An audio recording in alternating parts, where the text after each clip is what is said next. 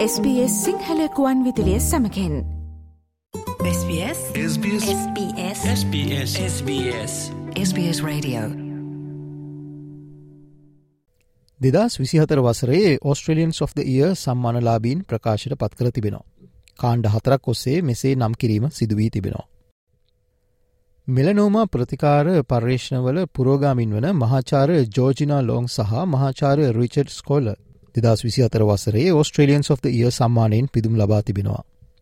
මේ ඔස්ට්‍රේලියන්වන් දෙදෙනා යනු හිරු කිරණවලින් ආරක්ෂාවීම සහ සමේ පිළිකා වැලැක්වීම සඳහා වන පර්යේෂණවල ක්‍රියාකාරින් දෙදෙනෙක්.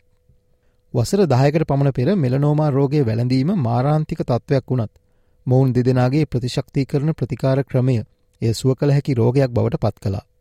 මේ නිසා දහස් ගණනකගේ ජීවිත බේරා ගැනීමට එය රුකුලක් වුණා. කෙසේ වුවත් අවාසනාවන්ත ලෙස දෙදස් විසිතුනේදී රිචර්ට සුව කළ නොහැකි මොලයේ පිළිකාවක් ඇති බවට හඳුනා ගැනුණා.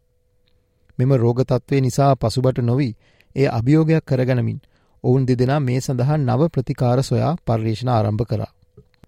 අද මම මොලේ පිළිකාවක් වැළඳී ඇති රෝගියෙක්. මට තාම අවුරුදු පනස් සතයි. මං මගේ ජීවිතයට මගේ පවුලට මගේ රැකියාවට ආදරෙයි. මට තව ගොඩක් දේවල් ලෝකයට දෙන්න තියෙනවා. යයි හැඟීම් බරව ඔහු පවසා සිටියා. අපේ බලාපොරොත්තුව මෙලනෝමා මරණ බින්දුව දක්වා අඩු කිරීමයි. මේ සඳහා අපට ඉලක්කගත පර්යේෂණ වැඩසටහනක් සහ පර්යේෂණ සඳහා වැඩි ආයෝජනද අවශ්‍යයි. මහාචාර්ය ජෝජිනා පවසා සිටියා. අපි දැන් බලමු senior Australian of the year එනම් වසරේ ජේෂ්ඨතම ඔස්ට්‍රේලයානු පුරවැසියා සම්මානය ලැබුණේ කාඩද කියලා. Senior Australian of the year සම්මානයෙන් මේ වසරේ පිදුම් ලැබුවේ යල් මේ යුනුපිංගු. ඇය විසින් ඇයගේ සැමිය හා එක්ව යොංගු භාෂාව සහ සංස්කෘතිය තරුණ පරපුර වෙත ගෙනයාමට දවීභාෂා ඉගැන්වීමේ ක්‍රමවේදයක් නිර්මාණය කර තිබෙනවා. ඇය දෙදස් පහේදී නෝදන් ටෙරිටරයේ අධ්‍යාපන දෙපාර්තමේන්තුව විසින් ගුරුරුන් සඳහා පිරිනමන විශිෂ්ටතා සම්මානයකින්ද පිදුම් ලබා තිබෙනවා. ඒ වගේම ඇය චාර්ස් ඩාවින් විශ්වවිද්‍යාලයේ ගෞරවනීය සාමාජිකාවක්ද වනවා. මේ ගමන සෑම විටම පහසුනේ නෑ. බොහෝ අපහසුතා ඇතිවුණ නමුත් අධ්‍යාපනය සඳහා මගේ ආශාව මාව ඉදිරියටම ගෙනගයායයි ඇය පවසා සිටියා.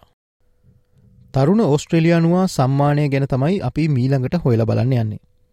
එමා මැකියෝන් තමයි දෙදස් විසිහතර වර්ෂයේ මෙම සම්මානයෙන් පිදුම් ලබල තියෙන්නේ.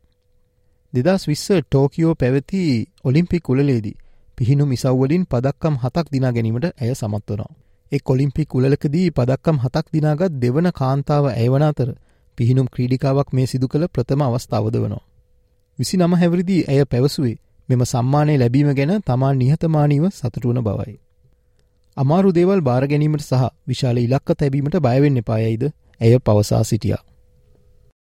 ඔස්ට්‍රලයානු දිනයේ පිරිනමන මීළඟ සම්මානය තමයි ඔස්ට්‍රලියස් ලෝකල් හීරෝ සම්මානය. මේ සම්මානය පිරිනමන්නේ තමන් ජීවත්වන ප්‍රදේශය සිටින ප්‍රජාව වෙනුවෙන් සිදු කරන සේවය ඇගීමක් ලෙසයි.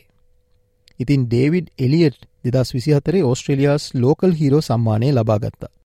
එදස් නමසි අනු නමේදී ඔහු තමාගේ කුයින්ස්ලන්ත ගොවිපලේදී ඩයිනෝසිරස් පොසිලයක් සොයාගත්තා.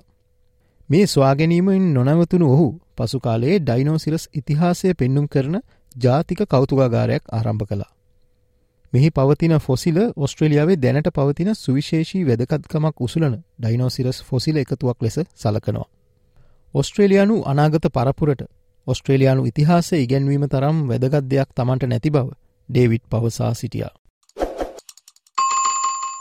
ඔස්ට්‍රලියාව හා සම්බන්ධ නවතම තොරතුරු රැගත් අපගේ ගුවන් විදුලි විශේෂංගවලට සවන් දෙන්න www.sbs.com.au/ සිංහල යන අපගේ web අඩවීට පිවිසන්න.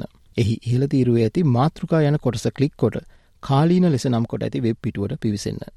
SBS. SBS. SBS. SBS. SBS. SBS. SBS Radio මේ වගේ තවත්තොරතුරු දැනගන්න කැමතිද. එහෙමනම් Apple podcast Google podcast Spotify ඔබගේ පොඩ්කාස්ට ලබාගන්න ඕනෑම මාතයකින් අපට සවන්දය හැකේ.